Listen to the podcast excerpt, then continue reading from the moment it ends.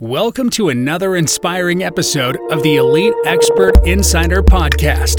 Hosts Melanie Johnson and Jen Foster are the owners of Elite Online Publishing. They're both Wall Street Journal, USA Today best-selling authors. We're really glad you're here because this podcast was designed for you. Meet industry experts that share their secrets and strategies. Get successful results for your business in money, relationships, health, and your life. Each episode is going to inspire you to take action towards reaching your greatness.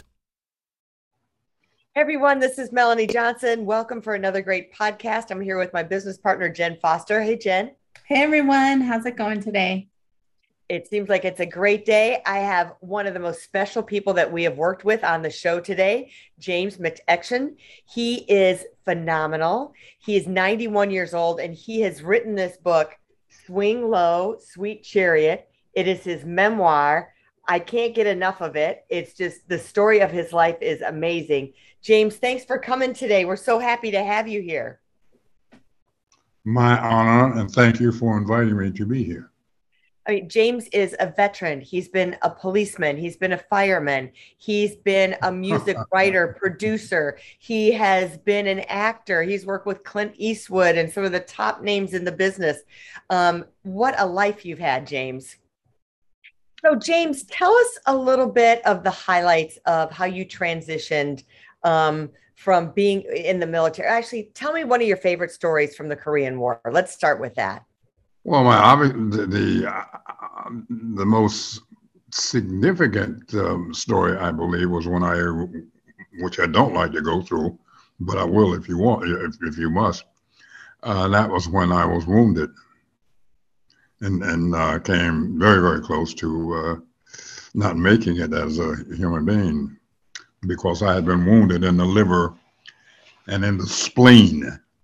Mm and I had four different areas of where the wounds were, and I didn't uh, uh, didn't understand why and how, etc. And, um, then I was challenged uh, by this blonde-haired boy who saved my life, and I didn't get his name, but that's a part of the story.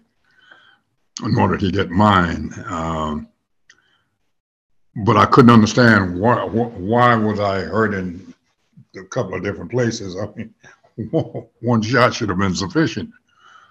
But what happened was that I went back. I didn't know this until a couple of weeks ago, but I went back to save my lieutenant who was in charge of the patrol. And uh, the, the Chinese just riddled his area with bullets. And uh, but I went to try to save him. And uh, obviously I didn't. Um, and then I, before you know it, I was flown back to the hospital in the in, in Japan, uh, and they did all the operations, etc. And then um, I got out of the hospital. When I got out of the hospital, I went back to the front line because I wow. felt that I had a little bit more to do. Well, that's how I, I believe. That's why the the the, uh, the flakes of uh, of uh, metal are still still in my stomach, and they've been that way for um, 50 years or whatever, uh, whatever length period of time the 50s were. That's amazing that you've lived with that, and you're you're 91, almost 92 years old.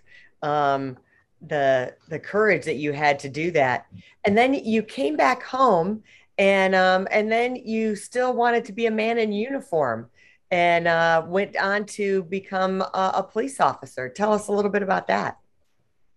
Well, after I got wounded, the surprising thing about that is that despite having been wounded the way I was, the, the, the four different places, two of the bullet in the thigh and a, I think it was a hand grenade in the stomach rather than a bullet, but whatever.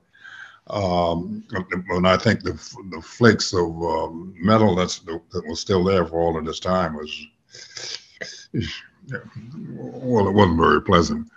Yeah. But your question, um, I didn't. So when I got out of the army, of uh, course, it was my second um, enlistment.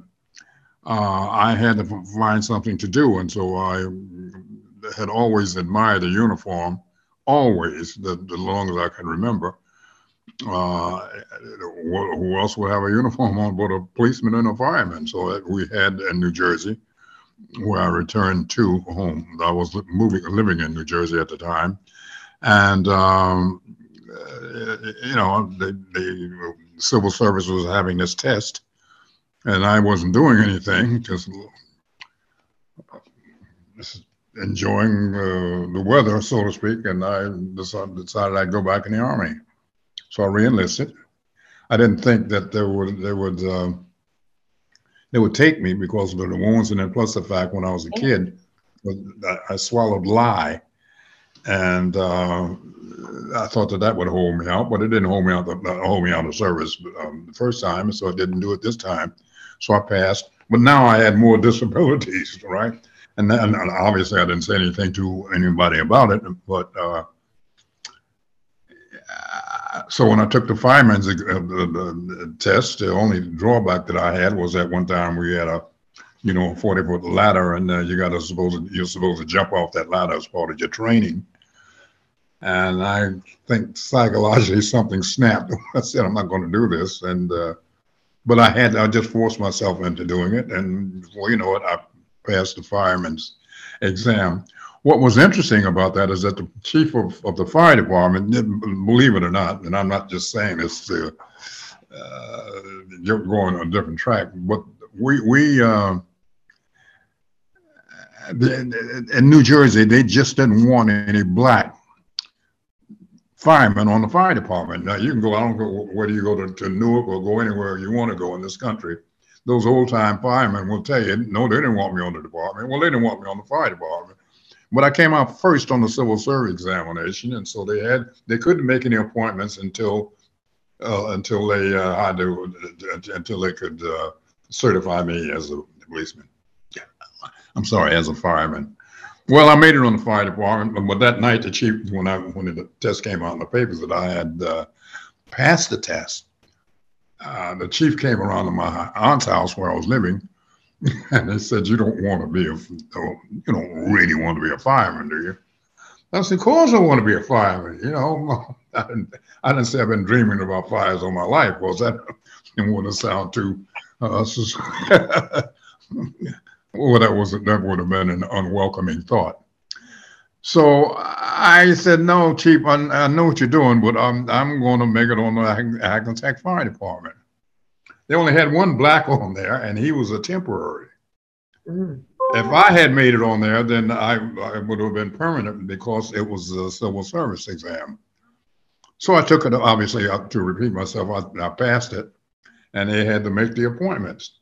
And then the paper said, uh, Hackensack fireman give up, uh, gives up the hose for a whistle or some corny article. So I, one day we had a, a, fireman over at the Priscilla's Everglades. I wouldn't forget that because that was the first real fire that we had. And um, I just didn't like it on the fire department. First of all, it was too boring and it was a tad cold. Mm-hmm. In fact, it was freezing, and then fire can be a, a, a, pretty commanding thing. So I resigned uh, the fire department and went on the police department, and there I stayed for about three years, I think it was. That's awesome. And then what brought you to California? How did you move to California? Uh, well, I came to California because of the fact that my wounds started acting up again. I had uh, tuberculosis, believe it or not, and uh, because uh, my lung was, um, I had to have a lobectomy performed on me, and so, uh, well, if you got to get operated on, why not make it during nice weather, not just freezing cold, because I was a foot patrolman uh, and uh, on, on, the fire department. But I skipped over something, and, uh, and you got to forgive my mind because when I go back to those days, that uh, they're quite scary, you know. But there was something I wanted. And you, before you asked the question, what brought me to California? Was a fact. Oh, my! I started bleeding and uh, the the the the, uh, the, tuberculosis because I had drank that filthy, stinking, creepy, crappy water over in in uh, Korea, Oh. and that um, that I uh, it, it just bacteria just had kind of made a holiday out of my stomach, Mm. and uh, so I was walking the, the beat one night, uh, one morning, early one morning, and um, I just felt like collapsing. So I called headquarters and said, "Listen, I was a foot patrolman. Uh, you got to send somebody down here to uh, pick me up. I just can't make it." Mhm. Which was really saying something. A a guy like me who tried to do everything, you're admitting that you can't make it. So I would. They took me to the doctor's office. He immediately, you have got to go to the hospital right now. So, uh, 105 took me to the hospital, and there I stayed for a while, and then I left the hospital. Uh, I, because I didn't want to have the operation because they had at the time they had uh, lung operations were just practically disastrous because you had you see these guys walking around these broken these shield the the the, uh, the ribs uh, where they used to go and go in and do the operating and it was just horrid and I didn't want that. So I left and caught the train came out here called my girlfriend told her I was leaving town. What anything I do? No oh you're wonderful. Work I'll send for you. And which I did later on about a year later. So I came out here to California to uh, uh, to take the operation, the lobectomy, Mhm. uh, and then I uh, taught myself how to more or less walk erect again, and uh, everything was fine. Then I accidentally, uh, I was listening to the radio one day. I sent for my girlfriend. She came out, and we got married later on, whatever what happened was that uh, I, I told her that we were, that we were going to stay in California, you know, and uh, she, she was a magnificent woman. God, what she's, I, I certainly didn't deserve her. She was just a wholesome girl, never went into a bar, and I practically lived in the damn things. So, uh, uh, so God pulled me through that operation and uh, huge cut in the back of the going from here all the way there because they had to bring the lung out to operate on it. Mm. And uh, so I, that went through, that came through that successfully. And then you, there's this matter, you got to get a job. Where you going? What are you, going to stay here? What are you going to do? So one day I was sitting there at the house, of a house that I had rented, and uh, this guy singing on television, singing this uh, very infectious tune. And uh, I said, and people were dancing and all that stuff. You know, I asked my wife, what, what, what is that they're doing? She said, that's, that's, I think she, it wasn't a Dick Clark show, but it was some show like the, the Dick Clark show where they, everybody would be dancing and whatever.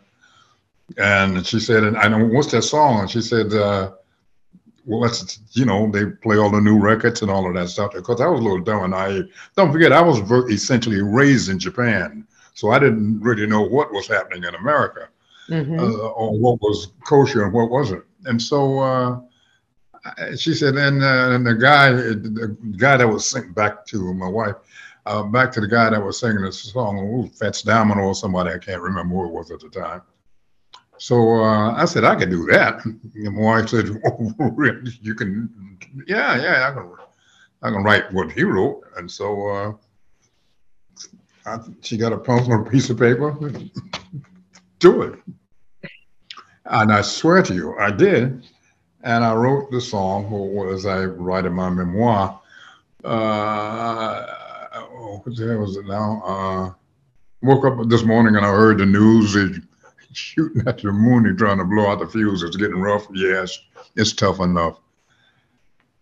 Very naively, I went down to um, Hollywood. I was living in Pacoima. We, we were living in Pacoima at the time.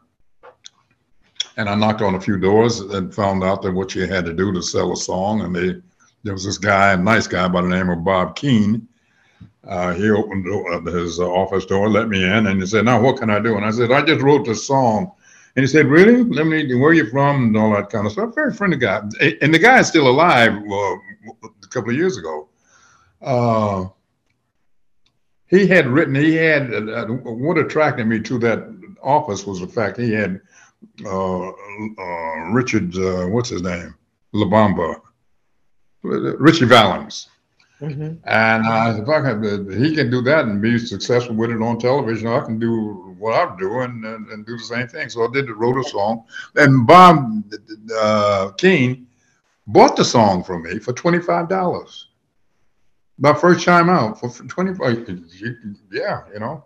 So um, I took it and I stayed in the, in the music business and I, for three or four years, maybe or whatever got bored and tired with it. And one day I uh, said it to everybody I was quit. I was quitting. But what had happened? I got a job as an A and R man. A and R means artist and repertoire. And uh, I recorded a, a, guy. I had a group called the Furies, and they did a song called "Sing with the String of My Heart," which was a moderate hit, but was enough to get me notoriety. And uh, noticed as uh, somebody can can do the R and B rhythm and blues type things. And uh, then one day a guy came by my house, or my apartment, uh, saying that he could sing, and he was escorted by a friend of his. And they said, "You want to hear this guy sing? This guy, oh, he's awesome," you know. So I said, "Let me hear you." So he pulled out a couple of tunes from his memory, uh, memory and started singing. I said, "This guy is, honest to God, a talent." And I said, "I'm going to record you," and I did. His name was Otis Redding. Wow. He had never re- he had never recorded before, and I was the first. And in any book that was you'll see that I was the first to record him. And then uh, Otis left. I still had the, the, the Furies on it, but uh, we did a couple of records, and none of them made it. Then I, uh, what happened after that? Uh, I, I, I, just didn't like the music business because it was a terrible, horrible, the cheap. Somebody's always robbing somebody out of something. And uh, I had a had a couple of friends uh, in the business. Uh, one of them was Sonny Bono of Sonny and Cher, and uh, and then he got out of the music and went into politics. If you remember back in, in the day. So uh, I and I so help me. Out one day I'm walking down the Melrose Avenue, and uh, guy is approaching in the opposite direction. Looked at me and he said, uh, "Ain't you an actor? You know, do you want to be an actor?" No, are you kidding? I don't know a thing about that? He said, "Well, you look just like the guy that I wrote in my book, in my screenplay.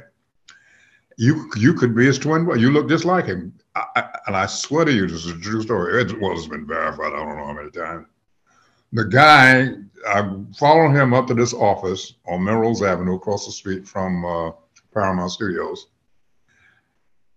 And he introduced me to this guy called um, uh, what's his name? Who's he ended up producing and direct, he ended up directing.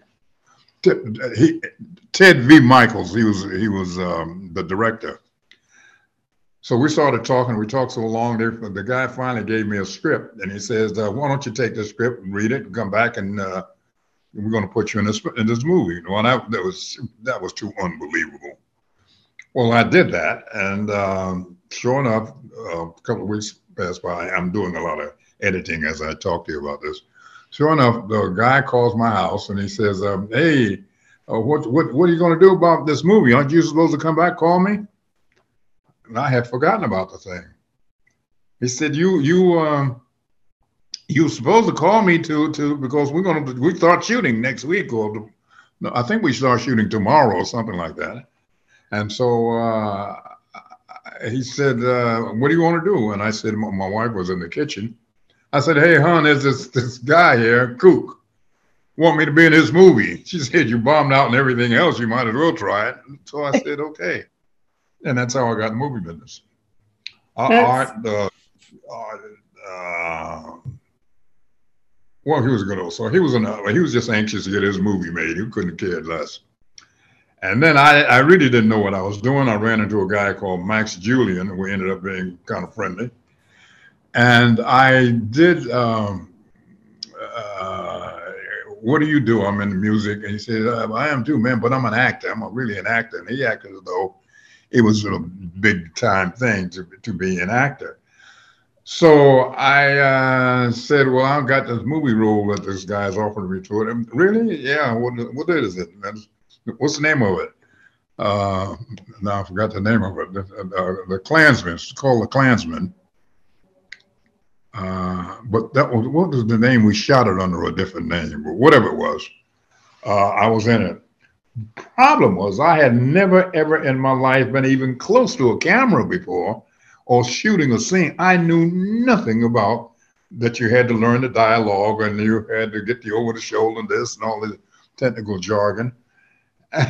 when we got on location down in Bakersfield, the guy, the director, was trying to map out the shot, and he said, uh, "You do here such and such a thing. Now, what are you supposed to say?" Obviously, the picture didn't cost more than a dollar ninety-eight cent to shoot. It was the cheapest produ- production anybody could have found. So um, I, I finally figured out. Logic says the guy does this, he does that, and Ted, who's got so many other problems, he can't give me any individual attention. Mm-hmm. he was sorry. I know he was sorry he hired me to begin with, and before you know it, well, we shot the scene, and then uh, it worked. And then I had developed another credit, which was as outrageous as that story there with with uh, uh, Ted Mikels. We had a screening of that movie Oh, oh, the name of the movie was I Crossed the Color Line. That's what it was. I Crossed the Color Line about somebody that, that the the, the one, this guy and his partner go down to look for this white girl who moved in with a black girl, all that silliness. So uh, one day, an agent saw it. And I remember him pulling over in his car. I saw you in that movie, man. You know, you were good, but something like, that. really? I didn't know the movie would come out and da da da and all that stuff. So finally, I uh, oh the guy wanted me to let's talk. Now you got to be careful in Hollywood people like that because you know all all motives aren't honorable. And so I had my fist ball up, ready to punch a guy in the mouth. Same thing as the guy who saw me on the sidewalk that the day, a few days before. You got to be ready. I, I learned that much from being in the army, you know. So we got uh, the talking, and, and and this guy's name. He said his name was Alan, and he was an agent. Okay. So he said, "I think I can find you a part in a movie." So I said, "Well, great, you know." So sure enough, he calls me about a week later. Hey, I got an interview for you over at Paramount Studios. They're doing a picture with John Wayne. Now, if you watch your P's and Q's, you get that interview, they start, they're late in shooting, and you can just walk right through the door with the part. Boom, did everything I was supposed to do and show up for the interview with casting, which I didn't know what casting was all about. I didn't know any of that stuff. So finally, I, uh, I said to, um, well, tell me what the, he t- he gave me what the, what to look out for and all of that stuff. So eventually, he drove me over to Paramount Studios, Alan Corey, and we walked on the stage, and he looked over there and he sees two guys sitting in a chair. One guy in, in the director's chair, something looks something like a, well, it's a, a director's chair, not only they're taller. So he, Alan says, listen, that is Henry Hathaway. That didn't mean anything to me. Henry Hathaway, what, what does that mean? He said, he's the director. Oh, okay. So he says, tell him that you're here to see the, the, about the part, about the, the, the court clerk to the hanging judge. Court clerk to the hanging judge. Court clerk, hanging judge. Okay. So uh, we go down to the, I go down to the front because he stayed back there because he's not supposed to be on stage. And he said, Henry Hathaway, and then and he, Henry Hathaway, he's, he's chewing on the cigar, turns around and he looks at me. What do you want here? I said, oh, um, um, my agent told me that you were needing a, an actor for a movie that for this movie that you all are doing. He said, Can you act? I said, Well, I'm probably better than anybody you got on this stage here. The guy he's talking to turned around and said, Hi, the son of Henry. And that was John Wayne. And that's how we became friends. That's so great. That's so great. And when um, uh, he was he was a magnificent guy because Gene had uh, uh, he had uh, this terrible reputation about being a racist and all that stuff there. I found I thought the guy was incredible. I thought he was great, and so that uh, so from then on things went uh, went my way for the first year, and then I when I really got serious about acting, I really didn't want to do it that much. But you did like over 200 TV shows and. Uh, I don't know if I did 200. I know it's pretty, pretty close to 200. So it could have. Oh yeah. Well, I found out that there was an art to getting the job. Most young actors they come in and they fidgeting a while or they're going to learn the Stanislavski system. They mm-hmm. learn that. Well, that's not going to get you anywhere but through the front door. You got to walk in and you got to take the job. You can't just, uh, uh, you know, want to be Ernie Borgnine or be this guy. Yeah, you got to be you, but show them that be assertive enough to say, I am probably the best thing you got here. Mm-hmm. And let them know that there's room for your director to make his suggestions and all that stuff. And that's what it is. But every time, we, and there weren't that many opportunities for black actors during those early years mm-hmm. at all. I mean, about three or four guys, and then there, there was so much jealousy that they wouldn't um, give you time of day. Mm-hmm. So the New Yorkers the, the, the, and the New York actors thought they were better than uh, thought they they were God's gift to to mankind, and so they wouldn't pay any attention. Which means that gives you more room to walk in the room and do what you want to do. Yeah. I there was a role that uh, it was called The Good Guys, and uh, the agent called me and said, "Listen, Jimmy, what you got to do is you got to win this this role. You got to get this role because if you don't, uh, you know, nobody's going to want to use you. But if you go over there, it's for CBS. CBS haven't been hiring the minorities. If you go in and knock them dead, they're going to call. They're going to always call you. Mm-hmm. So I said, how can I win this role? How can I beat this role? It was a Herb. Bob, you remember Bob Denver? Uh, he had they had some show about the island about these guys who were stranded on this island. It was a very popular show at one Gilligan's time. Island? Gilligan's Island. Gilligan's Island. Yeah, there you go. Oh, yeah. we know what she's watching. Yeah, but that's what it was.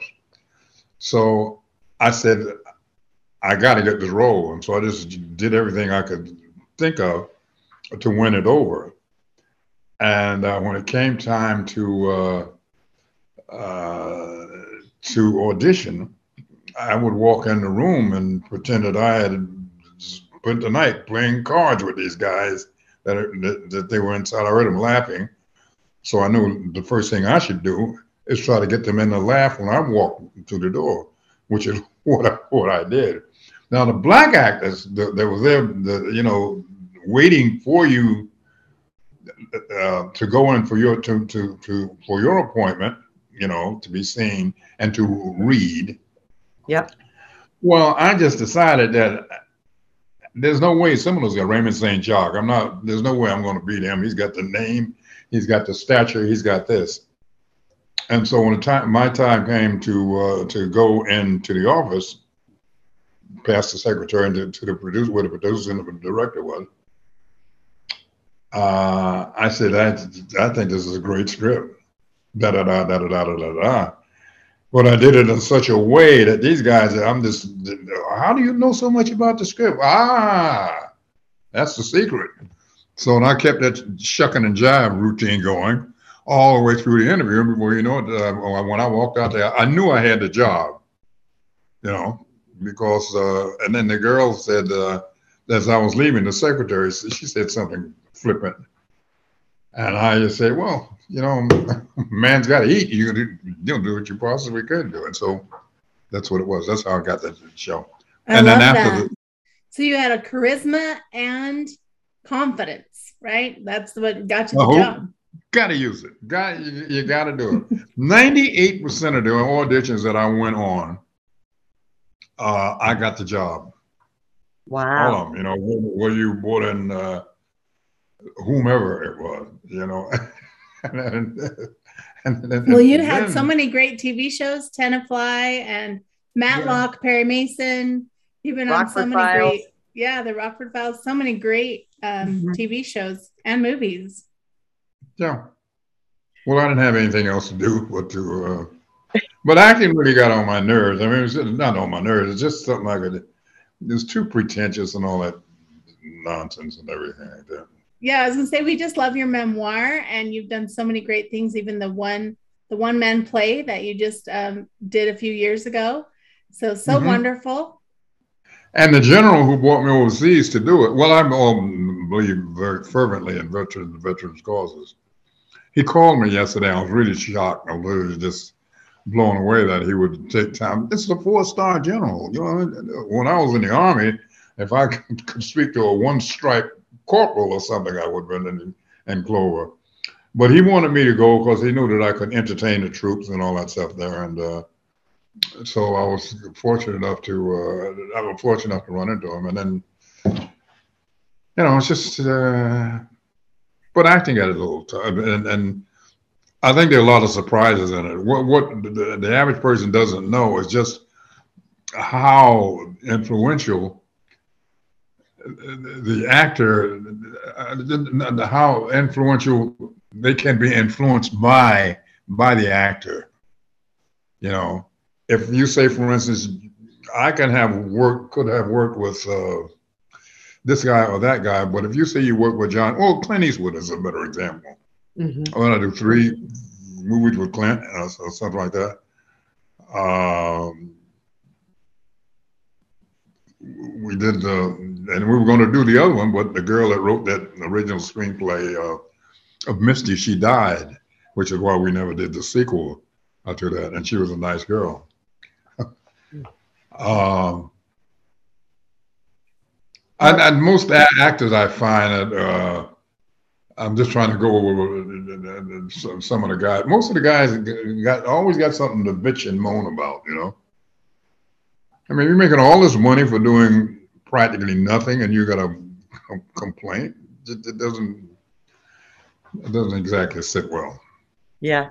Well, James, you have had, like you say, a white, a life well lived and a country well served with your lifetime. I just want to tell you how much we appreciate you and how much we've appreciated working with you. And so glad you've been able to tell this story and your memoir. Um, make sure you pick up the book. Swing Low, my uh, Swing Low, my sweet chariot, the ballad by J- of Jimmy Mack. If you can see it on my screen yeah. there, it's available on Amazon and everywhere books are sold.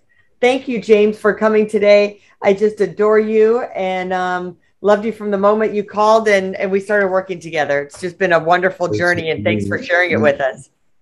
You guys are just tremendous. Awesome. Thank you. Thank you. Well, that's it for this podcast. Remember to subscribe. And uh, if you're looking to write your memoir or your book, reach out to us at Elite Online Publishing. We'll see you next time. Bye. Thanks, James. Bye. Hey, are you looking to increase your revenue, build credibility, and elevate your brand? This podcast is brought to you by Elite Online Publishing, an innovative publishing and full spectrum marketing company. They will publish and market your book to make it a number one bestseller. Becoming an author is the best way to market your business. So contact them at eliteonlinepublishing.com today. All of their authors become number one bestsellers.